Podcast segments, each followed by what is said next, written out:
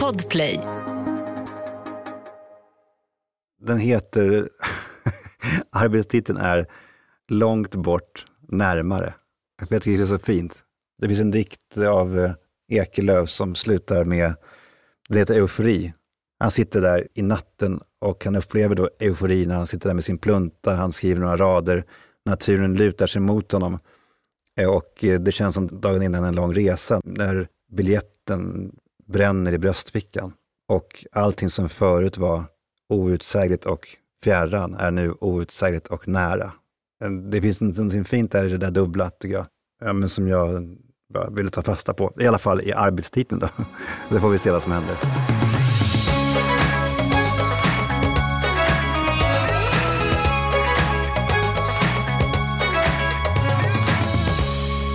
Nu är vi här. Samtal om böcker heter podden och det är ju precis vad det ska bli. Du som brukat lyssna på nyss insomnade Pocketpodden, du kommer känna igen dig och annars så märker du snart att hit kommer författare och läsare för att prata om säsongens böcker med mig, Lisa Tallroth. Och det är nya gäster och nya böcker varje vecka. Och först ut i Samtal om böcker är Alex Schulman och på bordet ligger romanen Överlevarna.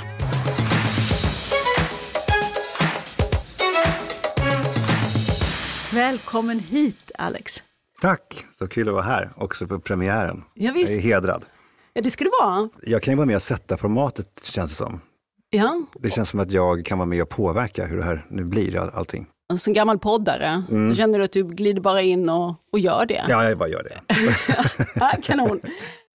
Din senaste roman har jag framför mig, Överlevarna. Den är aktuell som pocket nu. Och eh, här är vi ju tillbaka i det Schulmanland som man har lärt känna i dina tidigare självbiografiska berättelser. Du har skrivit om den koleriska pappan, den bortvända mamman, det värmländska torpet och så de tre bröderna som delar en obegriplighet i barndomen som blir en hemlighet i vuxen ålder. Men den här gången har du ju gett dig själv nya regler. För det här är din första fiktiva berättelse.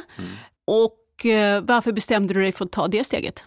Nej, men den första anledningen är nog att jag helt enkelt var lite trött på att eh, förhålla mig till, till släktingar och människor som hade synpunkter. Och, eh, ja, men jag var less på att eh, riskera att göra folk ledsna eller upprörda eller sådär. Jag kände att jag, varje gång jag skrev en bok så var det alltid någon som sa upp kontakten på något sätt. Och jag, eh, jag ville liksom bort från det lite grann. Men det, det är bara en anledning. En, en, en annan an, an, anledning är ju att jag ville testa, jag, jag ville vara friare i mitt berättande. Och eh, det märkte jag att det var nästan alltså, svårare än, jag tänkte ju från början att gud, jag kan göra vad som helst, mina karaktärer kan göra vad fan jag vill. Och eh, i de andra böckerna så har jag alltid varit väldigt noga att förhålla mig till sanningen. Så nu kunde jag vara helt fri. Och det var, märkte jag en förbannelse, därför att jag, det var för många valmöjligheter. Och det var, det var nog därför tror jag som jag begränsade mig själv väldigt mycket i den här boken genom formen. För att eh, då fick jag liksom någonting att hålla fast vid i, i mitt skrivande. Jag måste berätta historien baklänges. Det var skönt att ha, alltså när man är debutant, som jag ändå då får säga att var en fiktiv debutant. Ja, men för, jag bara tänkte då för själva berättelsen som du vill förmedla, om du ändå har gett dig själv friheten. Varför hamnar vi ändå i en historia som är så förvillande lik det du berättar i Skynda att älska Ja. och glöm mig? Fan, det, det är liksom, någonst- någonstans är väl det liksom ursåret, eller liksom såret som jag inte kan lämna. Jag, jag har tidigare haft Eh, liksom dåligt självförtroende kring det där, att varför återvände jag dit för? Men jag glömmer aldrig när jag skulle göra en scenföreställning och jag eh, ringde upp Jonas Gardell, för jag ville att han skulle lyssna på mitt manus. Jag, så jag blev hembjuden hem till honom, läste upp mitt manus för honom. Och han satt och antecknade och var gravallvarlig. Och eh, sen så när, vi då, när han gick igenom med mig innehållet, då sa han, eh, här i den här, i den här passagen så känns det som att jag skulle vilja höra så alltså lite om din pappa. Och jag svarade, men, men vänta nu, jag har ju skrivit en bok om honom, det här var 2011. Jag kan liksom inte börja älta honom igen. Och då sa han, du har inte förstått någonting. Du kommer älta honom hela ditt liv. och det som det ska vara. Och det tyckte jag var så här, jag blev tröstad i, i, i det att, det, att jag, man, jag blir nog aldrig färdig med det där. Och det är okej. Okay. Eftersom vi känner in till din familj nu ganska väl ändå och vet att du har två bröder och att du är mellanbrodern, tänkte jag, det var kanske den här friheten du behövde, det fiktiva, för att kunna skriva om tre bröder. Mm, ja, men du, du kan ha helt rätt i det, för att jag har ju alltid, eh, kanske fegt eller vad det nu är, jag har alltid skrivit om, mm, om saker, om människor i min släkt när de har dött. Men mina två bröder är i högsta grad i, i livet. Och relationen, den är ju, den, alltså jag är ju mitt i den så att säga. Och eh, du har nog helt rätt i det, det hade varit väldigt svårt för mig att skriva så öppet om, om liksom dysfunktionalitet mellan syskon eh, och använda deras, det som, använda deras riktiga namn eller vår riktiga, vår riktiga eh, liksom, relation. Det hade varit svårt. Det, det är nog en bra, en bra poäng du har. Romanen börjar ju i att vi möter de här tre bröderna i vuxen ålder. De har åkt upp till familjens sommartorp i Värmland.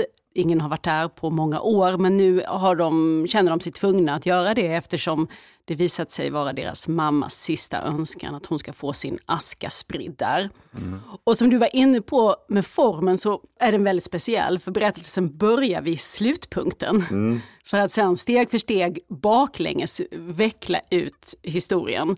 Och de här kapitlerna om de vuxna sönernas resa mot nollpunkten, kan mm. vi kanske kalla det. Mm. Det varvas då med mellanbrodern Benjamins återblickar till uppväxtåren.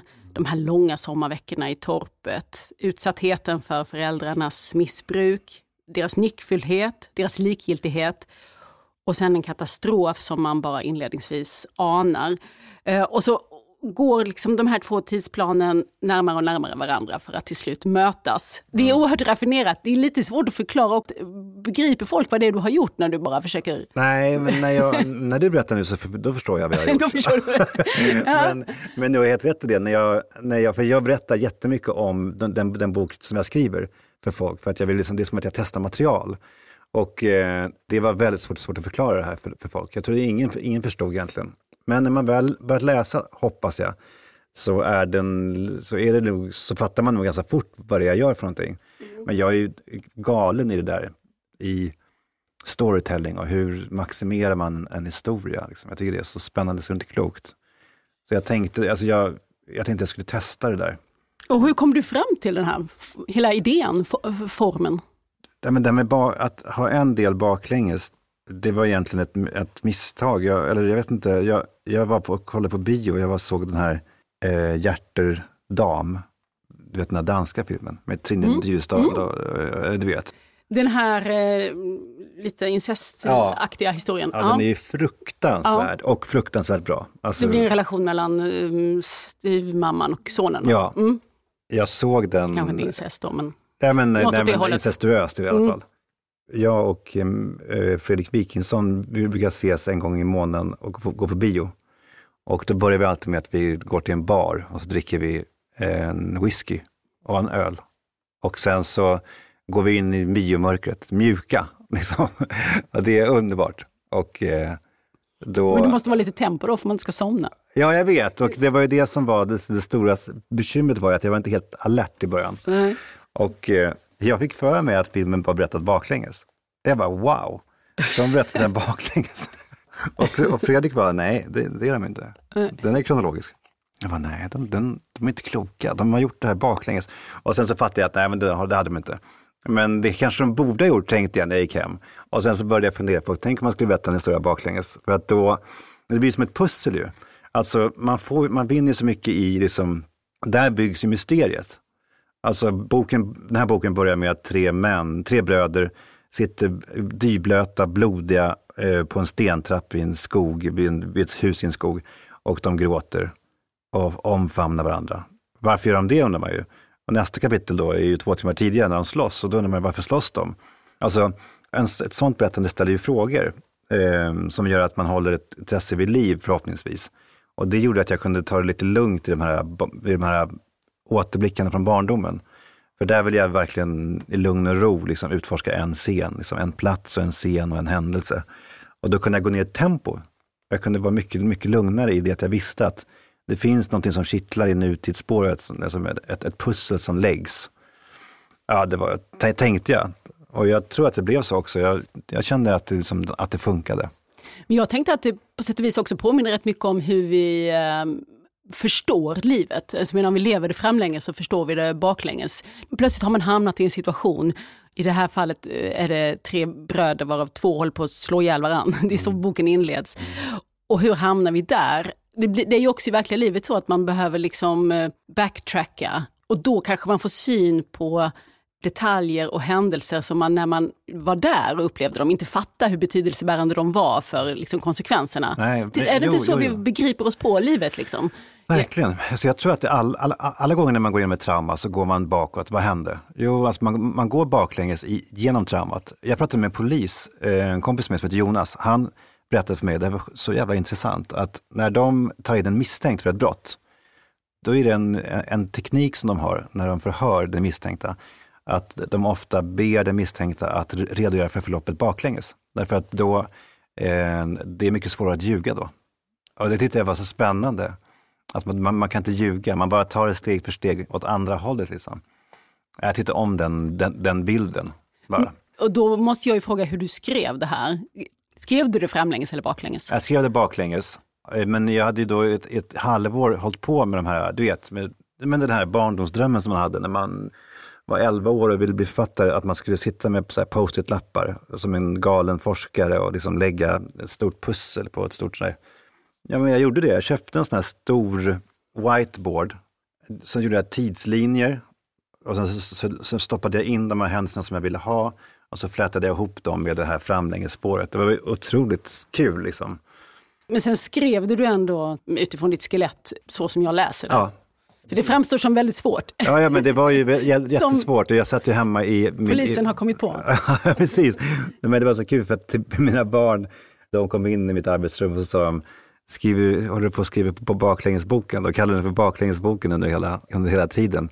Därför att jag bara satt liksom med, den här, eh, med den här tavlan och liksom la det här pusslet. Det var väldigt kul. Mm.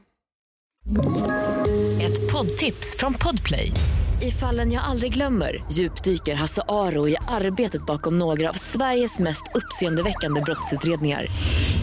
Går vi in med hemlig telefonavlyssning och, och då upplever vi att vi får en total förändring av hans beteende. Vad är det som händer nu? Vem är det som läcker? Och så säger han att jag är kriminell, jag har varit kriminell i hela mitt liv men att mörda ett barn, där går min gräns. Nya säsongen av Fallen jag aldrig glömmer på Podplay. Och eh, de här tre bröderna då, Nils är äldst och håller distans. Mm. Försöker i alla fall till familjen. Mm. Mellanbrodern Benjamin, det är ju seismografen i familjen som pejlar stämningar mm. och försöker parera, helst förekomma föräldrarnas olika utspel. Mm. Och sen har vi minstingen Pierre. Du får beskriva honom. Han är väl den som är mest utsatt och så som Benjamin försöker ta hand om lite i, i barndomen på ett sätt som då Nils inte gör till Benjamin, vilket gör Benjamin så otroligt besviken i vuxen ålder. Och eh, nej men det där är ju ett tema som jag faktiskt utforskade för första gången i, i den här boken. Jag har hela mitt liv, eh, jag, jag har liksom känt att jag blev sviken av min storebror i, i vår barndom. För att han gjorde precis så, att han, han checkade liksom ut. Han, när det blev galet så då tog jag hand om min lillebror. Alltså jag satt liksom en städskrubbare och höll för hans öron så han inte skulle höra. Men storebrorsan, han bara drog in, han bara liksom gick in, gick in på, på sitt rum och tog på hörlurarna och liksom stängde allting ute. Och under hela mitt liv har jag liksom känt att det där var ett svek. För, jag, för jag, det var inte så min bild av liksom att vad storebror var, utan jag tänker att en storebror tar hand om sin men jag menar, det här är ju också så mycket svårare än så och eh, det, det, går inte att lasta honom. Det har jag kommit fram till liksom långt senare, först nu egentligen. Men det var spännande därför att jag hade ju liksom aldrig konfronterat min storebror om de här sakerna. Jag konfronterade honom först i boken kan man säga, fast det, i, liksom i, i, i förklädd form. Men det var fint för att då ringde, då, han fick ju läsa manuset innan det, det gick i tryck och uh, han ringde och vi pratade och det var liksom ett fint samtal. Där jag liksom äntligen också förstod hans bevekels, bevekelsegrunder. Han, han kan liksom inte lastas för att han inte orkade rädda mig. Det är inte en storebrors uppgift. Det är, det är föräldrarnas uppgift. Om Nils, store, storebrodern i boken, hade varit berättaren, vad tror du hade varit annorlunda då? Eller vad hade kunnat komma fram då? Ja, jag vet inte vad han såg. Så det är så spännande det där med att Benjamin är ju mm, pojken som ser allt och uppfattar allt och blir tyngd av allt. Han bär ju allas liksom, sorg och allas eh, bekymmer. Så för honom är det här, han är ju en väldigt tung person som ju upplever att livet är väldigt syrefattigt just därför. Och det, jag, jag har en bild av att om storebrodern hade fått, fått berätta så hade det blivit, han hade nog inte tagit in världen lika mycket som den här, den här mellanbrodern. Men han hade, och han hade säkert haft en helt annan uppfattning. Jag minns när jag skrev Glöm mig om min mamma så läste mina bröder och de var ju så här, det här är inte, det här är inte min historia. Och då sa jag, nej det är det ju inte, det är min historia. Det är min sanning och, och eh, den är liksom inte mindre sann bara för att du inte delar den, utan det är väl så att vi, vi alla är tre olika universums, universas, vad säger man? du fattar vad jag menar. Mm. mm. Och eh, tre helt olika historier. Även om vi har varit i exakt samma barndom så är det tre fullständigt olika berättelser. Det är det som är så, så fascinerande. Mm. Nu glider jag mellan verklighet och fiktion. Här, ja, ja, men jag, hörde ju, jag hörde ju att du berättade någonstans att startskottet för den här um, romanen var att du insåg att du och din storebror hade glidit ifrån varandra. Att du inte hade koll på vad som hände honom i hans liv mm. och liksom fick en känsla av hur blev det så här. Mm. Men, men om eh, känslan av svek har funnits ända från barndomen kan man ändå ha en förväntan på att man som vuxen ska lyckas komma ja, men är det inte varandra så, nära. Är det inte så, men för alla, att det är liksom allmängiltigt sant att syskon, syskon ska älska varandra? Det är i alla fall min bild av det. att Det var i alla fall det som min pappa sa, minns jag om och om igen. Liksom, ni, ni, ska aldrig glömma att ni är viktigast för varandra. Mm. Så han sa ju det om och om igen. Kan, kan ha kommit därifrån. Men jag har en bild av att jag har, en, jag har också fått många mejl och många DMs på Insta och sådär från folk som, som säger att det är den största skammen jag har, jag, att jag inte älskar min bror eller min, min syster. Eller att vi har det svårt i vår relation, eller att vi inte förstår varandra, att vi känns som att vi är främlingar. Det är, det är jättejobbigt och jag, och jag fattar inte hur det här hände. Jag tror att det där är ganska vanligt, alltså, folk, alltså syskon som inte står ut med varandra. Men är inte det något annat än att inte älska varandra? Uh, jag tänkte på, jag mm, hörde, din kompis Sigge har ju gjort en film om eh, bröderna Flink, eh, Torsten och ja, um, Rickard. Ja, just det, en poddserie som um, är fantastisk. Just det, så är det. Och um, de är ju osams och står inte ut med varandra. Nej. Men som Torsten Flink sa, att han är min bror och jag älskar honom. Det finns liksom en frekvens där som, som inte handlar om att man ska, eh, hur umgänget ser ut eller om man liksom gillar att ses. Och... Nej, nej, men precis. Men jag älskar mina bröder. Jag kan liksom... När jag får höra om att någon har behandlat någon av mina bröder illa, då, då, får jag ett, då känner jag ett raseri som jag inte ens känner när mina döttrar blir illa behandlade i skolan. Alltså jag, jag, jag, liksom- det svartnar för mig alltså. Så det är någonting som är väldigt starkt i att jag liksom känner att jag skulle kunna gå i, i döden för dem. Samtidigt som jag då, när vi sitter och äter lunch, så når vi inte varandra. Det är en jävla dubbelhet i det där. Vi hittar liksom inte varandra. Jag ska bara säga det, att det är inte så att jag, jag och mina bröder har, är osams eller så. Vi, vi, alltså, så tvärtom. Vi har väl aldrig varit mer sams än nu. Men, men, och jag tror att de delar den här bilden av att det, det är ändå knepigt alltså. Att, att hitta en fungerande relation som vuxna bröder. Mm. Man hoppas på någonting som inte riktigt man kan spela ut. Har du läst Lars Berges Vargattacken? Nej. Den är en jätteintressant bok. Den handlar ju om vargarna på Kolmården så länge de hade det. Sen följer alltihop med att det var just en människa som blev dödad av vargar. Men i alla fall, en anledning till det skriver han i boken, det är ju att man där på Kolmården, en dimension av eh, lidandet som vargarna hade var ju att man hade stängt in bröder på ett alldeles för litet hägn. Vuxna vargar, vuxna syskonvargar vill inte umgås med varandra. De gör alltid det fria för att undvika varandra. Mm. För att inte behöva vara rivaler antar jag, utan okay. då så springer man istället så långt ifrån varandra som möjligt. Um, Ja, vad fint. av någon, ja, eller, Sorgligt, men ändå, sorgligt, ja. men nå, någonstans kanske det, eh, har jag, fick jag med mig den bilden av de här instängda bröderna på en alldeles för liten yta. De tvingades till en eh, slags rivalitet som de i själva verket försökte undvika. Mm, Verkligen. Och de blev ju satta, de blev satta i rivalitet av föräldrarna i i den här boken. Alltså de blir, blir som, pappan ordnar simtävlingar där det snabbaste liksom barnet är, är, är bäst och de slåss för föräldrarnas uppmärksamhet. Och det fanns också en, eh, liksom en alltså, alltså föräldrarna klassificerade de, de här tre barnen i överlevarna. Den ena skulle vara en läshuvud som ska, som det ska bli någon med. Den andra var sportig. Eller, du vet att man, alltså, jag, ty, jag tycker att det där är ett sånt jävla misstag som föräldrar gör. Att, man, att föräldrar som berättar för sina barn vad de är för någonting. Det, det tycker jag är det sorgligaste av allt. Lyckas du undvika det själv? Nej, ja, det, alltså jag kämpar för det där jätte- jättemycket. Men det är ju väldigt svårt märker jag. eh, Att liksom bli av med en del saker som, man själv, som jag själv har varit med om. Det svåra som förälder tänker jag är ju att bekräfta sitt barn och se det. Det som du, du ju också efterfrågar att eh, föräldrarna i boken ska göra, de ska se barnen.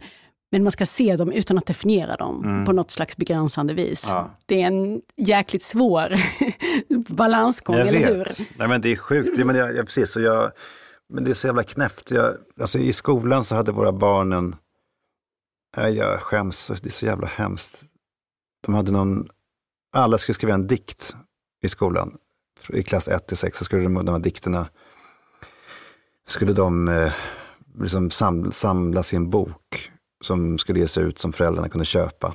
Och eh, då så skrev en av mina döttrar en dikt som var otroligt fin. Alltså så fin så att jag var, det, det, som, det var inte klokt. Och jag tänkte gärna så här, okej, hon är förfa- hon ska bli författare. Du vet, man håller på. Familjens poet. Ja, och jag, hade sån, du, vet, du vet, jag läste den högt eh, för vänner och, och sen mitt i det där så bara, vänta, den andra dottern har jag också skrivit en dikt. Som jag inte ens har läst, eller som jag inte ens det var liksom fruktansvärt att efter en vecka eller kanske ännu längre gå in till henne och säga, jag måste få läsa din text också. Och jag märkte liksom att hon hade noterat uppståndelsen kring den andra, andra systern. Det där är liksom rätt fruktansvärda saker såklart. Men, eh, men, men det är väl ett, ett vanliga misstag som föräldrar gör. Men det är ju också en grej som man måste akta sig för. Att det är som rubriksätta sina barn eller staka ut deras väg. Hon blir ingen diktare. Hon bara skriver en dikt, det var kul. Sen så vill hon göra andra saker. Och jag liksom, du vet, började läsa andra dikter för henne. Det vill, det vill hon inte höra. Sen eh, på listan över misstag man kan göra står ju också att man projicerar sina egna hang-ups på sina barn. Så att jag tänker att, eh, det, att man känner att det här är ett jättestort problem. Som jag, man vet inte om det, har, Nej, om det jag själv nu då blev helt fixerad vid att jag gjorde verkligen var ett så stort problem för barnet. Eller om det är min, att jag nu tjatar om det som blir, som blir problemet. Ja, Ja men verkligen. det är ett, ett, eh, omöjligt spel att gå helskinnad ur. Ehm, du har ju läsare och du har följare, men sen har du ju också fans, Alex Schulman. Ehm, jag har ju träffat, bara inom loppet av en vecka, träffade jag på två olika personer i min egen närhet som utan att tveka kallade sig besatta av Alex Schulman. Eh, läser allt du skriver, följer din podd slaviskt, försvarar dig inför andra. Ja, gud vad gulligt. Har du någon koll på de här personerna? Nej men, de som, nej, men att säga att man har fans, det är, alltså, det är så fort som man, om man skulle ta in det så, så löper man ju risk att bli outhärdlig. Så jag, jag skulle inte, jag, för mig är det helt främmande att, att det är folk som, eh, som är fans. Men däremot så märker jag förstås att det är folk som lyssnar och, alltså, och det är så jävla kul att det är unga människor. Ja, det här är eh, medelålders personer med jobb och eh, barn och förpliktelser. Ja men det är otroligt. De hänger men, ju inte i några nej, kommentarsfält. Nej, nej, men de känner inte till att de finns. Nej, gör är- inte det? Nej, det, nej, inte att det är så här, jag kan gå i döden för, för, för, för honom. Nu vet jag inte om han- de var beredda till det. men okej, okej. men i alla fall, de kan i alla fall kan dra en sabel kanske. Ja. Nej, men jag tror, nej, men, det, men jag vet, det finns, men jag vet, men så fort som jag hör, av, hör från den typen av människor, då blir jag också bara ledsen på något sätt. För att du vet jag får något, något meddelande eller något brev, då säger de så här, jag försvarar alltid dig. Och då tänker jag bara, åh, fan, jaha, okay, så det är liksom, det samtalas om mig att jag är någon, någon idiot, att jag är liksom hemsk, att jag är elak och, och att det är liksom någon allmän bild och så finns det några få människor som, som har förstått att jag inte är det. Då, då, tänker jag bara på den här stora massan som håller, som håller mig som, ett, som en eh, hemsk person. Förstår, förstår du vad jag menar? Det är så fort som jag, hör av, jag får höra från de här välvilliga människorna, då fattar jag att det finns ett stort, mm. liksom, ett stort antal människor som inte håller med dem. Jaha, jag är en sån som behöver bli försvarad. Ja, du? exakt. Typ så. Jag menar bara att jag tror inte att, de, att någon hör av sig till Kjell Westö och säger så här, ja, men jag tar dig i försvar. Men vem skulle hata honom? Ingen. Djupt älskad av hela men, Sverige. Men du, ehm, är du fan i liksom något sammanhang? Ja, men jag kan Något motsvarande intresse eller besatthet? ja, men jag kan bli besatt i sådär korta perioder av olika, ja, men, om jag läser en bok, nu läser jag den här trion. Johanna Hedmans debut. Ja. Snackades upp eftersom den såldes i så många länder innan den ja, hade kommit precis. ut. Ja, men det är ju, men jag läste Vad den nu, på semestern och var helt uh, galen. Jag tänkte att det här, jag, jag har sett det som framtiden. jag tyckte hon var så, jag tyckte det var helt fantastiskt. Och då ville jag liksom veta allt om henne. Och under några febriga dygn i Italien så läste jag den boken och liksom läste alla artiklar om henne och blev liksom Ja, men och sen så var det fantastiskt. Nu har jag inte funderat över henne så mycket. Alltså det är inte så att jag går runt med livslånga liksom, känslor av, av kärlek till någon egentligen, utom kanske några stycken. Alltså Tranströmer och Harry Martinsson och några andra författare som jag tycker, som jag alltid återvänder till. Hade de poddat du, då hade, det, hade vi andra kunnat hålla käften. Nej. Men um, varför är du besatt av Alex Schulman måste jag ju då fråga när de säger så. Ja. Och eh, då det är några saker som återkommer. Den ena personen här, jag tänker att de vill vara anonyma, mm. uh, sa att han är, bara på rak arm, sårbar, rolig och klipsk och en fantastisk historieberättare. Och, um, jag instämmer. Jag du instämmer? Ja, nej men du är ju sårbar, rolig och klipsk. Så är det ju. Och jag tänkte på en stycke i boken som, som säger lite grann om din stil som du skriver och ser världen på. Jag undrar om du skulle vilja läsa en bit ur Överlevarna? Ja, visst, självklart. Jag undrar vad du har valt ut. Ja, det är den här scenen när bröderna Pierre och Benjamin sitter som vuxna. De är på väg på den här resan upp mot eh, torpet och har stannat på en hamburgerrestaurang. Och eh, Benjamin sitter och iakttar sin bror Pierre när han käkar. Pommes frites. Okej. Okay. Otroligt, säger Pierre och lägger ner hamburgaren med tuggmärken som råttbett längs ena kanten. Han plockar upp en pommes, gnager ner den som man äter en salt pinne och lämnar biten som han hållit i på en servett på bordet. Benjamin ser att han lämnat flera små stumpar bredvid varandra där. Varför äter du inte sista biten? frågar Benjamin. Det är äckligt, säger han. Fingrarna är smutsiga, de har varit överallt. Benjamin betraktar Pierre och ser hur han gör sig kvitt den ena potatisänden efter den andra. Och plötsligt ömmar han för sin bror. För när den lilla högen växer där på bordet så tycker han sig se ett litet tecken på att även Pierre bär på något. I det där egensinnet finns också en historia. Benjamin har alltså förundrats över att Pierre tycks ha lämnat barndomen utan en skråma. Han verkar oberörd. Som om allt som hände bara rann av honom sen. Eller kanske till och med stärkte honom. Men när Benjamin ser sin bror stapla sina pommes där är det första gången han känner att det finns spår av något annat. För den som inte vill stoppa något i munnen som han själv vidrört, han vill i någon mening inte ha med sig själv att göra. Ja. Kom du fram till det i skrivandet av den scenen, att det var det det handlade om? Jag tyckte det var en fin, en, liksom en, ett första tecken på att han inte är helt oberörd, liksom, den, här, den här pojken, att han, eller den här mannen nu. Att han, att han gör sådär. Men sen så kom ju covid och liksom, det, det, blev, det fick en helt annan kontext när, när folk läste den i, i, i covid. Det var liksom väldigt sunt tyckte då folk. Fast poängen är ju, tänker jag, vilka tankar som går igenom Benjamins huvud Verkligen. när han ser detta. Handhygien och annat är liksom aside. Verkligen. Men um, Ditt andra fan som jag träffade, han sa att han ju känner igen sig i ditt sätt att återvända till uppväxtåren och att betrakta den som en ganska isolerad tid när tillvaron bara består av familjens bubbla, mm. familjens storytelling om sig själv. För det här är någonting som han, hans vänner inte kan relatera till. De umgås liksom inte med barndomsminnen alls på det sättet. Och um, när vi kommer att prata om det så jag tyckte verkligen satte fingret på någonting där, för jag har också märkt att det finns människor som helt enkelt inte umgås med minnen.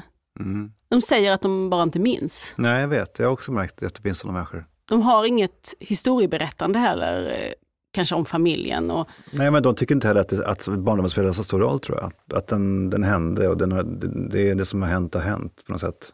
Jag säger inte att det är fel, jag, bara, jag, men jag blir förundrad av, av de människorna, att de, inte, att de inte har funderat mer på vad hände? För det är det enda jag tänker på egentligen. För du brukar skryta med att du har väldigt bra minne. Ja, men jag har både bra och dåligt minne. Men jag har ju jag har ett otroligt dåligt liksom, korttidsminne. Jag kan inte komma ihåg vad folk heter eller hur, hur, när jag har träffat folk tidigare. Eller...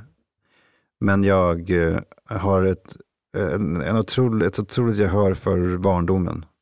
Mm. Jag, där, jag, jag, kan måla upp det där, eller jag tvingar mig själv att, jag vill, jag vill tillbaka till barndomen och därför så målar jag upp de här scenerna så noga jag bara kan. För att jag vill dit igen. Men är det en fråga om minne? Att kunna återkalla scener, detaljer? Ja, men det är så här, jag tror att om jag inte som sjuåring hade funderat på hur taket lutar på vårt torp, då hade jag inte kunnat skriva om det idag. Så jag tror att det handlar nog mycket också om att, att man tar in världen som barn. Det är ju den första förutsättningen. Och det var jag ju tvungen att göra, för jag hade en väldigt liksom, ruffig barndom och då var jag tvungen att ta in allt som hände i den. Och det är väl egentligen att jag återkallar det. Så att det stora jobbet gjorde jag då, tror jag. Eh, när jag liksom registrerade varenda, eh, varenda händelse väldigt noga i barndomen. Det, det, var det stora arbetet. Och nu så har jag ju liksom det med mig bara. Jag kan ta fram det. Jag hittar det som inte på och så fort som, så fort som någonting inte stämmer när jag beskriver min, min barndom, då blir jag irriterad och kastar det. För att då, då, då är det inte värt någonting längre för mig. Men tvivlar du aldrig på hur du minns jo, men alltså, saker? Jo, men, alltså man läser, eh, men det är, i någon mening är det ju en fånig diskussion, men, men en, alltså, i mina böcker om min barndom så finns det ju hundratals repliker och ingenting av det där är någonsin sagt. Liksom. I alla fall inte ordagrant. Men eh, alltså jag kan ju skriva en bok med 500 lögnaktiga citat och ändå ha skrivit en bok som är helt sann. Mm. mm. I romanen här, Överlevarna, det handlar ju också mycket om minnet och visade sig att man medvetet eller omedvetet kan manipulera sitt minne. Mm. Benjamin här, han har ju bytt ut vissa avgörande minnen mm. mot andra.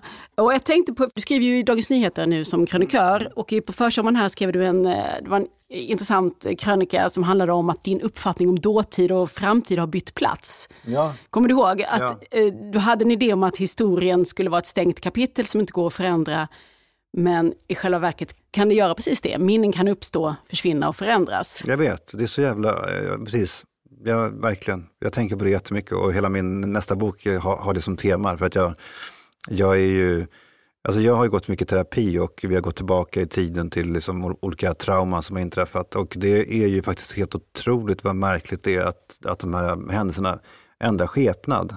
Jag har ett minne av att jag är fyra, fyra år gammal, eller fem kanske, och jag, jag sitter med mina bröder där bak i bilen. Och pappa är arg för att vi skriker, vi busar eller någonting och han hotar med att han ska kasta ut oss ur bilen om vi fortsätter. Och det gör vi. Och då tvärnittar han vid en åker. Det är en frostnupen åker, det är i vintern. Och så går han ur bilen och så öppnar han dörren på min sida, så sliter han ut mig och så tar han några steg ut i den här åkern och så kastar han ut, kastar han ut mig där. Och, eh, och jag tänker, oj, om jag blir lämnad här så kommer jag dö. Så jag springer tillbaka till bilen. Ja, och sen så sliter han ut mig igen. Och så bär han mig igen liksom över axlarna Fast han går längre ut i åkern och så kastar han ner mig. Och nu ska jag skada mig på något sätt. Jag kommer inte upp i alla fall. Så jag ser hur pappa går mot bilen och så stänger han igen och sen så åker han iväg. Och det här var ju då eh, jobbigt därför att, eh, nej men därför att det är väl någon, urmör, alltså det är väl en, en, ett urtrauma därför att det är väl där man förstår att man saknar värde, alltså att man, inte, att man är värdelös. Att man, är, att, man, ja, att, att man som barn inte är älskad av sina föräldrar. Och eh, det här minnet har jag då gått igenom, tröskat, jag har gått runt på den här åken mycket. Och plötsligt så visade sig mamma där i det här minnet. Hon satt ju bredvid. Hon var inte där från början. I början så var pappa där bara. Och eh, plötsligt så vänds allt mitt hat mot mamma. Ja, pappa var ju kolerisk, men mamma, hur kunde mamma tillåta det här? Hur kunde hon tillåta det? Eh, alltså det är bara ett exempel på hur liksom minnena ändrar skepnad hela tiden. Och, jag, och de, de är så otroligt förändliga. Och den, och den dystra insikten som jag fått är också, med, med givet allt som man har varit med om, och hur djupt de här beteendemönstren sitter. Alltså, eh, att det är, svårare, det är väldigt svårt att påverka framtiden. Den verkar lagd i cement framför en. Men dåtiden som man förut tänkte var fast, den är liksom förunderlig och den rör sig hela tiden, som en flod. Liksom. Och det är ju tolv år sedan som du skrev den här första boken om din uppväxt och din pappa, Skynda att älska. Uh, och så här ligger nu den senaste då, Överlevarna. Jag tänker, Nej, men jag tänkte också... har minnena ändrats? Det är därför ja, du måste fortsätta skriva om det här, för det går inte att sätta det Nej, men jag, finns inte en version av jo, det här. Jo, verkligen. Jag minns ju att, jag minns att när jag skrev boken om pappa så tänkte jag att den här boken är helt sann. Men det, det, den var ju inte det. Alltså jag, det fanns ju massor med gånger som min pappa slog mig när jag var barn. Och han bestraffade mig dels spontant på något sätt, alltså bara av ren ilska. Dels också utstuderat att nu ska jag få smisk. Och han samlade familjen och skulle la mig över sina knän och drog ner så att, och smiskade över stjärten på något så förnedrande sätt alltså, som det var inför andra. Alla de här scenerna som jag har upptäckt, de är inte med i den boken därför att jag, jag, jag vet inte, undermedvetet så sköt jag bort dem på något sätt. De fanns, de fanns inte i mitt liv då. Så att jag, helt klart så, så är det ju så att alla böcker som man skriver är som en sanning som finns i en då. Och sen så förändras den sanningen jättemycket. Jag hade skrivit en helt annan bok om min pappa om jag hade skrivit den idag. Jag hade dock älskat, jag älskar honom lika mycket fortfarande. Men det, det är en svårare, mer komplicerad kärlek kan jag säga. Kan du nu tänka att om du skriver en bok om tre bröder om tio år så kommer det också vara en annan historia säkert, delvis? Säkert kommer, kommer det vara så. Men det är väl, det som, det är väl kanske därför som jag också tillåter mig själv att återvända. För att vad är, det man, vad det man säger, man stiger inte ner i samma flod två gånger. Man stiger inte ner i samma barndom två gånger, utan det är alltid en, ny, en helt ny barndom som visar sig. Men jag tror man måste komma fram till det, kanske som eh, Jonas Gardell där hjälpte dig att göra. Bara för att vi har tryckt det här på papper så är det inte det enda som sägs Nej, precis. om hur det var. Nej, men jag älskade den insikten som han mm. gav mig. Ett poddtips från Podplay. I fallen jag aldrig glömmer djupdyker Hasse Aro i arbetet bakom några av Sveriges mest uppseendeväckande brottsutredningar. Går vi in med hemlig telefonavlyssning och, och då upplever vi att vi får en total förändring av hans beteende. Vad är det som händer nu? Vem är det som läcker? Och så säger han att jag är kriminell, jag har varit kriminell i hela mitt liv men att mörda ett barn, där går min gräns. Nya säsongen av Fallen jag aldrig glömmer på Podplay. Eh, en sak som händer i höst är att den här romanen Överlevarna kommer eh, ut till den engelsktalande världen. Ja, det blir så kul. Den kommer ut på, i Tyskland på fredag. Men eh, först i november såg jag att den engelska utgåvan... Ja, är det inte oktober? Jag inte ja, lite senare i höst. Ja, senare. Den kommer ut samma datum i USA och England. Jag läste säljtexten. Ja. Har du sett den? Eh, nej. Här står det att The Survivor, överlevarna, mixes the emotional acuity of Edward St. Auburn, mm. the literary verve of Ian McEwan and the heart of Shuggy Bain. ja, det är så jävla kul för jag har hört av mig till alla de tre författarna för att jag vill att, jag vill att, att de skulle läsa den här boken. Och eh, Douglas Stewart eh, har inte svarat. Jo, han svarade att han, att han skulle läsa den. Sen så har han, inte, har han inte hört av sig. Och jag skrev ett långt brev till Ian McEwan, för han är en en av de här som jag alltid återkommer till. Som jag tycker är en fantastisk författare. Och eh, jag skrev ett långt brev till honom. Han svarade att han inte hinner läsa den just nu, för han är mitt uppe i ett skrivprojekt. Och vem var den tredje? Edward St. Ja, Aubyn. som honom har jag om- träffat på ett par middagar, så honom känner jag lite. Då tänkte jag, han kommer läsa, för det vore kul att ha en blurb, alltså att han skriver en sån här, det här, Det här är bäst jag ja, läst." det är bäst jag läst. Och då svarade han bara på en mening, jag har aldrig och kommer aldrig skriva en blurb till någon bok någonsin. Ja, men det var lite skönt ändå. Ja, men det var det, så, så det var inte bara mig som han avskydde, men, men det var idén om att, om att, om att skriva blurbar. Nej, men jag tyckte det där lät jättebra. Det är ett gäng kul. du gärna vill uh, vara Verkligen. med. Jag läste ju Sugar Bane och var besatt på samma sätt som jag var för den här um, trion för något år sedan. Den kan jag verkligen rekommendera till alla. Är det några andra litterära förebilder du skulle önska att vara med där? Eller som du, som du har? Liksom, som... Nej, men sen, jag, jag, jag, men jag det är väldigt mycket så att jag läser det jag läser och, det, och sen så blir jag väldigt, väldigt besatt. Jag läste nu Tone Schunnessons eh, Dagarna, dagarna, dagarna. Tyckte jag var makalöst bra. Alltså verkligen otroligt, alltså de här scenerna. Jag, jag är väldigt fascinerad av historieberättande och hur man gör. När hon målar upp en scen och så stannar de kvar där. Och sen så stannar de kvar så länge att man blir besatt av att vara där och då går de vidare. Men det var hösten jag tänkte på lite grann, vad du har eh, framför dig. Nej, men jag åker till Tyskland för att lansera boken. Och jag, jag, jag åker till Holland, eh, Nederländerna, hur säger man? Men jag, framförallt så skriver jag på nästa roman. Det är det som jag helt och hållet fokuserar på. Det är en eh, historia som, är, som ställer mycket krav på mig för att jag, ja men det, är- den är berättar tekniskt liksom av- avancerad och det är svåra ämnen och så. Alltså den är, det, det är det svåraste som jag har gjort känner jag. Och det går långsammare än någonsin. Jag minns när jag skrev Skynda att älska, den första boken, då skrev jag jag minns så tydligt att jag vissa dagar låg på 30 000 tecken om dagen. Ibland 25 000. Och jag, jag, att jag skrev i stort sett klart den på 12-13 dagar. Vilket ju var helt otroligt. Jag tänkte det är så här man skriver. Alltså jag, och sen har jag bara skrivit, liksom, det går långsammare och långsammare. Och jag mäter mycket tecken då. Nu ligger jag på 4 000 tecken om dagen. Frågan är ju vilka 4000 tecken det är. Jo, men absolut, jag hoppas ju på att det blir bättre tecken. Jag tror jag citerar dig när jag säger att du brukar säga att det ska kännas som en jävla mardröm. Det är Ja. det, enda, det enda som kan tala för att det här blir bra. Jo, men verkligen. Om man känner bara att eh, om man bara visslar på väg till skrivjobbet, då är, det, då är man illa ute. Men eh, podden fortsätter. Eller? Det, det gör den, ja. Det är en, ja men vi har ju sagt att vi ska mm, podda i tio år och vi har hållit på i nio. Så att vi, För jag tänkte på det du sa att du snackar mycket om det du jobbar med, lite som ett sätt att kanske testa tankar och material Mm. också. Och du gör ju det i podden. Behöver du ett sånt där forum kanske, liksom som kompletterar ditt skrivande? Eller hur, hur kommer du att påverka, när ni, om du lägger ner podden, vad, nej, Vad händer med skrivandet då? Nej, ja, men jag, jag tror för sig att det är bra att man eh, testar. Det som, jag testade till och med att skriva ett segment i podden som var berättat baklänges, en, en anekdot, en, en grej som jag hade varit med om som jag berättade baklänges för jag ville testa det. Så att det är väldigt eh, tacksamt ju. Och jag testade också hela den här Dramaten-grejen som jag ska göra. eh, I, nu är den ju framflyttad till i april, ska den ha premiär. Tröstrapporter där Jakob Müller har skrivit musik och Christer Henriksson står stå på scen och jag har skrivit, skrivit och regisserar. Den, oj förlåt, är, är det min som ringer där utanför? Sorry för... Alltså.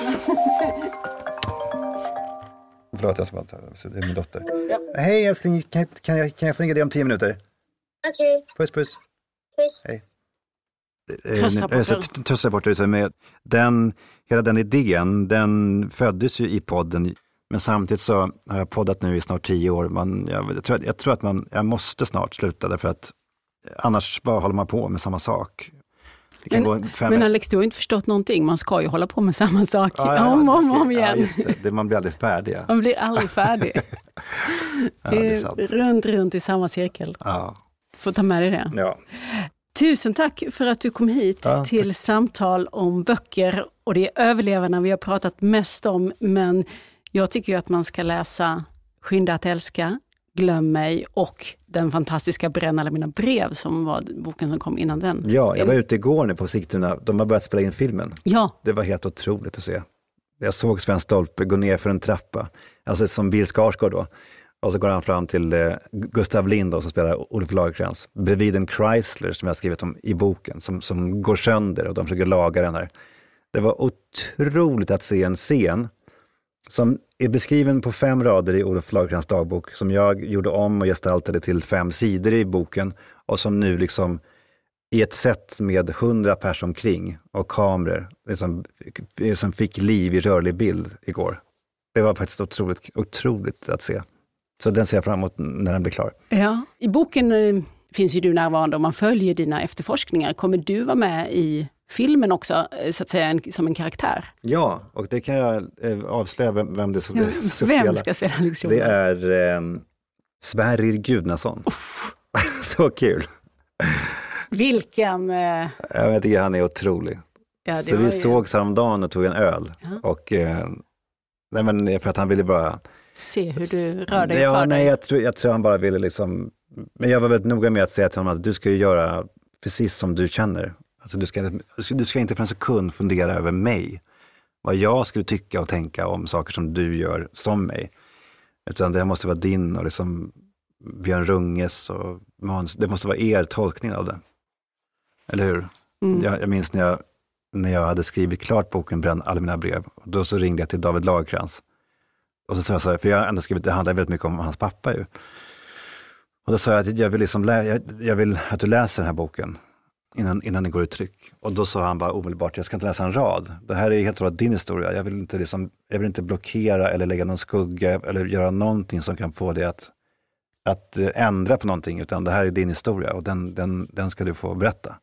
Och då älskade jag honom mer än jag någonsin gjort. Det var så himla fint av honom. Så nu så försöker du göra du det vill jag samma passa sak. vidare. Ja. Mm. Till Sverige Mm. som ska få spela Alex Schulman alltså Mm. i den kommande filmen Bränn alla mina brev. Yes. Vi ser och hör mer av dig. Jag hoppas det. Ja, Det känns ganska säkert. jag kommer Jag tillbaka känner mig trygg på den till punkten. den här podden om ett år eller så.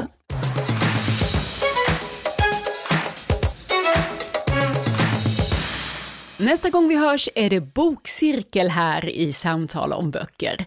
Kvinnor jag tänker på om natten av Mia Kankimäki ska vi prata om. Den har ju hunnit utnämnas till sommarens underbaraste läsning av en kritiker. Och hit kommer bästa tänkbara gäster. Författarna Fatima Bremmer och Sofia Rönnow Pessa. Med dem ska jag prata om denna svåretiketterade kombination av kvinnohistorisk reseberättelse och ja, en slags självbiografi. Hos Facebookgruppen Kollektivet, en bokcirkel, pågår också en bokcirkelläsning av den här Kvinnor jag tänker på om natten. Så haka gärna på du också. Och innan vi avrundar, en annan viktig nyhet. Veckans avsnitt publiceras numera på lördagar, men om du skaffar gratisappen Podplay kan du lyssna som vanligt redan på fredagen. Samtal om böcker finns såklart i sociala medier. Där heter vi Selma Stories. Och jag heter Lisa Tallroth. Hej så länge! Du har lyssnat på Samtal om böcker, en podd från Selma Stories.